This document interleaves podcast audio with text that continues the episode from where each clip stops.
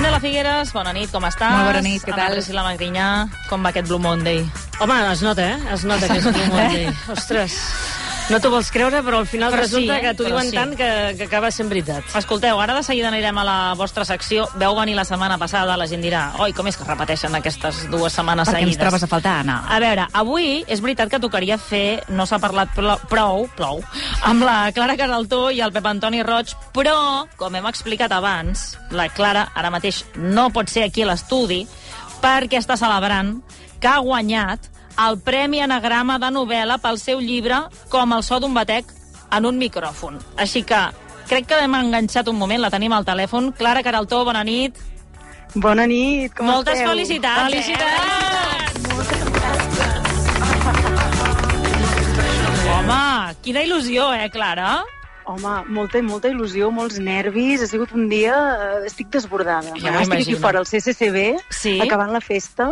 Ah, que hi ha hagut festa, eh, després, perquè això s'ha sabut cap al migdia. Per la Clara no hi ha. Blue Monday avui. No, eh? no, no. No, no, no, jo estic de celebració absoluta avui. Demà, demà jo crec que serà el dia fotut que ja ha passat, eh? clar, clar, clar. Sí. Festa, però um, festa grossa, ja? O explica'ns una Festa mica grossa. què hi ha I per tant. aquí. Hi ha sopar, bueno, hi ha pica-pica... Ramis, ha... que hem fet, ah, sí? hem fet un brindis i m'ha dit que, que us envia records. Home, i tant, la trobem molt a faltar, Sí. també.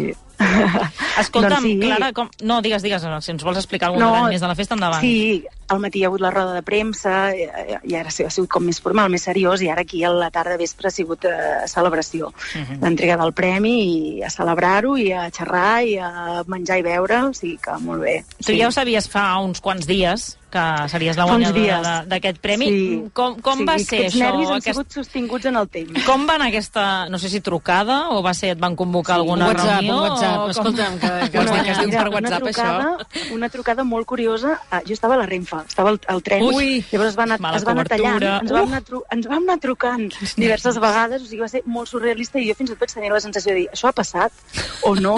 Saps? Aquella cosa com que, que has d'anar recapitulant, de dir, no, ha passat això, t'han dit que havies guanyat el Premi Anagrama, molt fort. Sí, sí, Ostres, sí, molt quina, contenta. quina situació, no, no, no m'ho vull imaginar, això de les interrupcions, per dir una cosa tan, tan important com aquesta.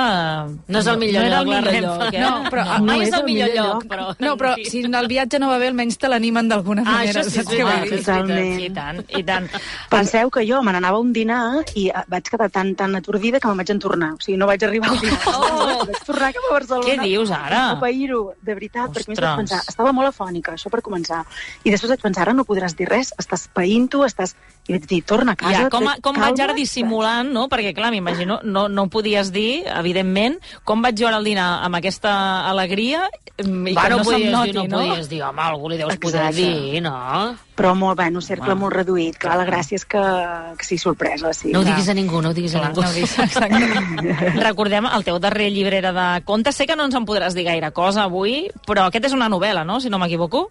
Aquesta és una novel·la. Bueno, jo havia publicat una novel·la, eh, després dels Sí. contes, et diré R, i després, doncs, aquesta novel·la, bueno, ja he anat parlant avui, eh? És, és, jo explico la història entre la Gabriela, que té 18 anys, i el Quim, que en té 39. Ella narra eh, de juny a novembre i ell narra de novembre a juny. O sigui, Mhm. jo explico la mateixa història, però no és la mateixa història perquè primer te l'explica ella i després te l'explica ell. I el que he volgut explicar o el que, el que he volgut investigar és el, el desig, com és el desig als 18 anys, com és el desig als 39, què passa amb aquestes relacions en què hi ha tants anys de diferència, què ens porta a desitjar... Eh... Bueno, he volgut una mica això, aquesta part més irracional, aquests mecanismes del desig que a vegades passen per canals que, que no controlem, no? És el que he volgut explicar, però sí que mm, això també ho he anat explicant avui, que el que m'ha interessat més mentre ho escrivia ha sigut no jutjar els personatges, és a dir, jo vull que el lector llegeixi i opini, no vull ser jo la que dona una lliçó, saps? O sigui, a mi la literatura que m'interessa és la que em fa moure, la que em eh, problematitza allò que jo estic com convençuda que penso o que sé. Doncs, Clara, anava a dir... L'haurem de llegir, eh? Ens l'hem de ja ens comprar. has fet un, un, un resum, ens ha vingut ganes de llegir-lo, tot i que em sembla que fins al març no es publicarà, no? Ens haurem d'esperar una miqueta Finals de encara. març, principis d'abril, encara queda una Mira, mica, sí. No passa res, perquè ara tenim Sant Jordi. tots els llibres que ens han portat els Reis, llavors Sí, tenim temps pels llibres dels Reis de i després llibres que m'estic de angoixant. Clar, vindrà Sant Jordi i ja sabràs quin has de comprar. Va, deixem a la Clara, que acabi de gaudir d'aquesta festa i que ho pugui celebrar com cal. Clara, t'esperem, esperem, eh, la setmana que ve, a veure si La ens pots setmana que donar ve no algun detall més i una nova edició del No s'ha parlat prou, aquí al No ho sé. Molt que vagi molt bé, Clara, una abraçada i felicitats Una de nou. Que vagi bé. Gràcies, Adéu. adéu. Ah, volíem començar avui, evidentment, felicitant la Clara, perquè ja fa uns Clar dies que, que ens sí. va dir no, és que aquest dilluns no podré venir, hi ha Clar, una cosa... No et va dir el què, no et va dir el què. Tinc un sopar important, Ai. amb uns amics... Estic a Renfe de tornar. Ah, que bé, que Va, bé. que encara ens queden 12 minuts pel No s'ha parlat prou d'avui versió reduïda. Mm, comencem amb tu, Anna Pris, de què no s'ha parlat prou. Deixeu-me posar-me una miqueta seriosa avui, eh, perquè m'agradaria retre un homenatge a tota aquella gent que millora la vida dels altres cada dia. Ah. A veure, ex- deixeu-me que m'expliqui. És una eh? en perill d'extinció, eh, també et diré. És, és aquella gent que la, la, vida, la seva vida gira al voltant del benestar dels altres, ho fan sense anunciar res, perquè moltes vegades hi ha gent que, que fa obres de bona caritat, llavors després ho diu i dius... "Bueno, No calia que és, és aquell debat, no? no? Que no sabem aleshores si... Si, Si hi havia tan bona voluntat al Si hi havia darrere. tan bona voluntat o hi havia publicitat, no? És gent que no demana res a canvi, ho fan a la feina, ho fan a les seves hores lliures, ho fan quan sigui. Gent, normalment, que són gent sense prejudicis, eh, que no s'ho no pensa dues vegades, que es llença a la, a la piscina a ajudar, que reflexiona però que sobretot actua.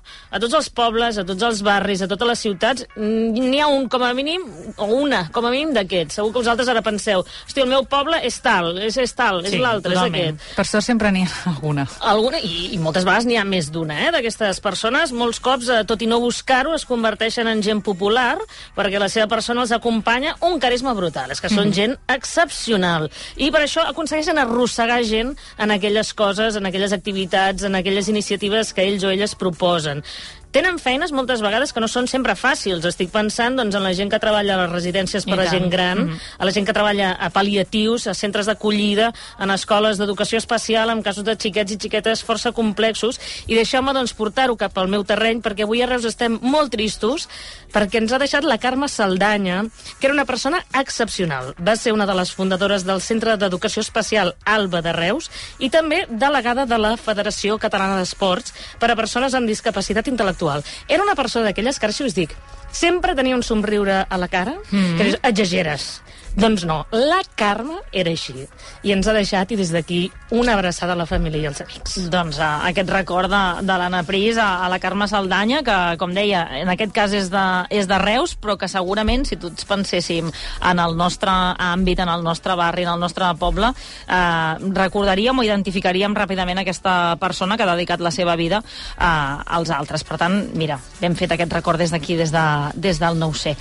Va, Candela, de què més no s'ha parlat prou? Mira, de, jo vull parlar de l'home amb més bona sort i més mala sort del món, a la Ah, vegada. és el mateix? Ah, és el mateix home, és Què el mateix home, perquè pel que uns... Aleshores no serveix, potser, no? No, sí, sí, sí, sí, però a veure, per, primerament, perquè per al que un és bona sort, per l'altre pot ser mala sort, i tot depèn de com s'interpreti la vida. L'afortunat o desgraciat en qüestió és el japonès Sutomu Yamaguchi, i la seva experiència es considera única en la història de la humanitat. Yamaguchi crec que deu ser com, La senyoreta com Yamaguchi. Sánchez o González del Japó, no? Jo, jo, Això era de l'Arale, no? La Sí, senyoreta sí. Yamaguchi. doncs jo penso en els tamagotxis. Aquí cadascú fa la seva relació. Però bé, ara que ja he creat un bon ganxo, anem a veure el que va passar. El Yamaguchi va néixer el 16 de març del, se- del 1916 a Nagasaki. La vida li anava bastant bé, tenia diners... Bé, ja, ja us he donat una Vaja. pista. Tenia diners, treballava com a enginyer naval a Mitsubishi uh, Heavy Industries, a nivell personal tenia una novieta molt guapa. Bé, la nostra història, doncs, més o menys, fins aquí normal, i tot comença el 6 d'agost del 1945, quan el Yamaguchi tenia una reunió de negocis a Hiroshima. Així que va agafar... Vaja. Vaja, Vaja. Es, es van unint tots els punts. sort. Va, mira, tu ja has dit que era mala sort, jo t'he dit que tenia bona sort. Ara No, aquí veure, anirem a a veure veure. què passa. Va agafar el tren des de casa seva, a Nagasaki, se'n va anar cap a la reunió. I què va passar el 6 d'agost del 45 a Hiroshima?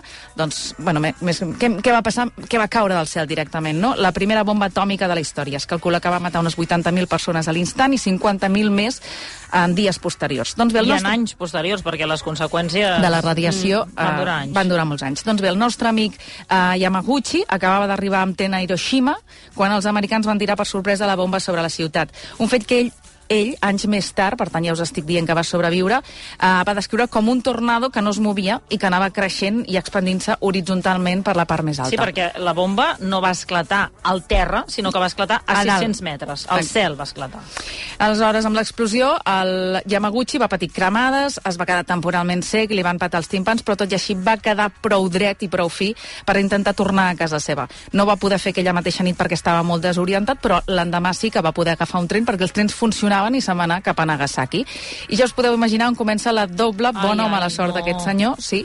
Home, en aquest cas, di- mala sort, no? Vull Espera't, dir, espera't. ah, ah, per, bueno, ah. ja, ja tu, jo ho analitzem després. Val, val, perquè perdó. quan va arribar... se salva pels pèls d'Hiroshima i se'n va a Nagasaki. Se'n va cap a Nagasaki. Uh, I quan arriba a Nagasaki, a Nagasaki quedaven hores perquè els americans llancessin la segona bomba atòmica, que mataria unes 70.000 persones més. Aquesta segona bomba, tot i caure a Nagasaki, no li va provocar ferides físiques, però sí d'emocionals, perquè en, en 72 hores, en menys de 72 hores, estava revivint el drama d'Hiroshima, una ciutat devastada i plena de morts. Bé, en Yamaguchi, ja no sé si li estic... Yamaguchi, sí, va aconseguir continuar amb la seva vida. No has dit Tamagotchi No, és que no penso pateixis. cada vegada amb Tamagotchi. Uh, Yamaguchi va aconseguir con continuar amb la seva vida, es va casar, va tenir dues filles, va viure fins als 93 anys, vull dir... Carai, tu. Bé, Sí, de fet va morir uh, fa relativament poc, el 4 de gener de l'any 2010, per un càncer d'estómac que, segons la premsa japonesa, podien atribuir els efectes de la radiació de les dues bombes. Però, com a supervivent, eh, supervivent de la bomba de Nagasaki, en Yamaguchi estava registrat a la llista, amb una llista que es deia de Hibukusha, o no sé si ho pronuncio bé, que li garantia assistència mèdica gratuïta i també eh, zero costos funeraris. És a dir, tots els afectats per les bombes... Sí, ja et Sí, podrien... no, vull dir, la mèdica encara, però que et pagui l'enterrament, dius, Bueno, bueno, està bé per la família, Jo però... diria que estaria Oh, bé a que... vegades hi ha molt de problema amb això, Sí, no, xiqueta. no, que sí, que sí, però que podia haver-hi algun benefici Sí, home, més. tant, en vida, no? Que Sí, te'l donessin en però vida. ja que has sobreviscut també que et donguessin, jo que sé, una petita renda cada mes, però no, només costos funeraris i l'assistència mèdica. Però bé, no va ser fins l'any 2009, un any abans de la seva mort, que el govern de, japonès el va reconèixer també com a supervivent de la bomba d'Hiroshima, fet que el va convertir oficialment en l'única persona supervivent Uau. dels dos atacs més mortífers de la història de, de la humanitat, però que no li va servir per ampliar la compensació econòmica que rebia del govern japonès. El Museu de la Pau d'Hiroshima calcula que possiblement hi ha unes 160 persones que van sobreviure a les dues bombes, però la particularitat del Yamaguchi resideix que ell va estar molt a prop del que vindria a ser la zona zero i va sobreviure. I quan va rebre el reconeixement com a doble supervivent de les bombes atòmiques, va dir que esperava que la seva bueno, que les, el, aquest reconeixement va arribar, li va arribar molt tard, eh? Va dir que esperava que la seva història arribés a generacions futures, molt més enllà de la seva mort, i que servís de lliçó de pau del món. Però bé, veient com està el planeta ara, no sé si ha servit de gaire, però nosaltres des d'aquí hi posem el nostre granet de sorra explicant eh, aquesta història. Malauradament no, no crec que hagi servit per gaire. Ostres, no sé, si, no sé valorar Si bona o mala si sort. és bona o mala sort, perquè, clar, has dit que, que va patir cremades, que durant un temps va estar sec, del moment de la mort, però després ell i va viure conti- aquest moment traumàtic, um, home, deu mar... segur que deu marcar la vida, eh? Per mi és bona sort sobreviure a aquestes dues... Sobreviure i continuar i casar-te i no tenir uns traumes psicològics i físics tan grans, vull dir... Home, el que és gairebé un miracle és que visqués fins als 93 anys. Això sí que em sembla Amb bomba increïble, bomba? eh? Sí, no, sí, perquè, sí, perquè home, als 93 ja i és més difícil. eh, havent patit les conseqüències de, de la bomba, perquè l'ona expansiva va arribar molts quilòmetres enllà, Mm. gent que no... que ells deien, no, no, és que a mi no m'ha passat res en el moment de, de la bomba, al cap d'uns mesos els sortien malalties Desfets, i, sí. i per tant doncs, a, es morien de, de la radiació de- d'aquestes bombes i que ell, estant a les dues ciutats, aconseguís viure fins als 93 anys, tu creus, eh, Anna Pris, que és bona o mala sort? Com ho definiries? És que és difícil de dir que això és bona sort, no? Eh, O mala sort, vull dir, és eh, una putada, es pot dir o, no es pot dir en antena? Una mica sí. Ah, mm, Té, home, és, té, és, té és- 50 i 50%, almenys de mala sort per estar en els dos llocs més complicats de- d'aquell any, del 45, d'aquell agost, i després també bona sort per, sobre, per sobreviure, en certa manera, i poder-ho explicar. No sé, té, per mi té el 50 i 50%, però està considerat l'home eh, amb més bona sort i més mala sort del món, això segur. Déu-n'hi-do. En Doncs fi. uh, realment aquesta història que, que jo desconeixia, tot i que us he de dir que aquest estiu vaig estar al Museu de la Pau de, de Hiroshima. Ara feia estona que no sortia el tema que havies viatjat al Japó aquest estiu. Oh, Que és broma. No és veritat. És No, però, però, però és que potser us ho he explicat en privat, però això No. no. per antena no ho he explicat. Uh, és un museu que si, que si teniu l'oportunitat d'anar-hi realment val molt la pena perquè explica molt bé l'horror del moment d'aquestes uh, dues bombes. S'expliquen molts casos reals, fins i tot amb un punt excessiu de detallisme eh, sobre aquests casos. Eh, us diré que l'entrada al museu, la gent entres amb una, amb una actitud i amb unes ganes de- d'entrar al museu que després del final del recorregut Eh, I això us ho dic seriosament, molta gent eh, acabava, hi havia un passadís a la sortida de tot el museu amb bancs i molta gent s'havia de seure una estona als bancs com per reflexionar processar tot el, tot el que, que havia vist. tot el que havia vist i, i només us diré una cosa, hi ha una audioguia que et va explicant, em sembla que, no sé, eren 35 històries, Quanta estona és el recorregut del museu? pues, Si t'hi pots fas- estar l'estona que vulguis, depèn de la informació que vulguis llegir, però si seguies més o menys la- l'audioguia, una hora i mitja, mm. dues hores, una cosa així, jo quan anava per, per l'àudio 15 vaig dir, mira, No, no puc fins més, aquí. no? Eh. No cal que, que arribem fins al final perquè realment era, era dur, era dur de, de seguir. És que ho és. Va tenir Ho va sort, ser. va tenir sort va ser. Va tenir sort, quedem amb doncs, que potser sí que va ser... Yamabuki? Yamabuki era? Yamaguchi. Yamaguchi. Ara anava a dir Ah, Tamagotchi no, doncs era la senyoreta Costava Yamabuki. Su, Suzomu, Su, Sus- Sutomo... Sutomo Yamaguchi. costava més de dir Sí, per això després, eh, de fet, tenia apuntat en tot el guió Sutomo i Yamaguchi. I has anat canviant a Yamaguchi, perquè Yamaguchi sortirà millor, sí. Anna Pris, Candela, que vagi molt bé. Fins d'aquí, ara sí, fins d'aquí 15 dies. Molt bona setmana que ve sort. tindrem el, el Pep Antoni Roig i la Clara Cadaltó.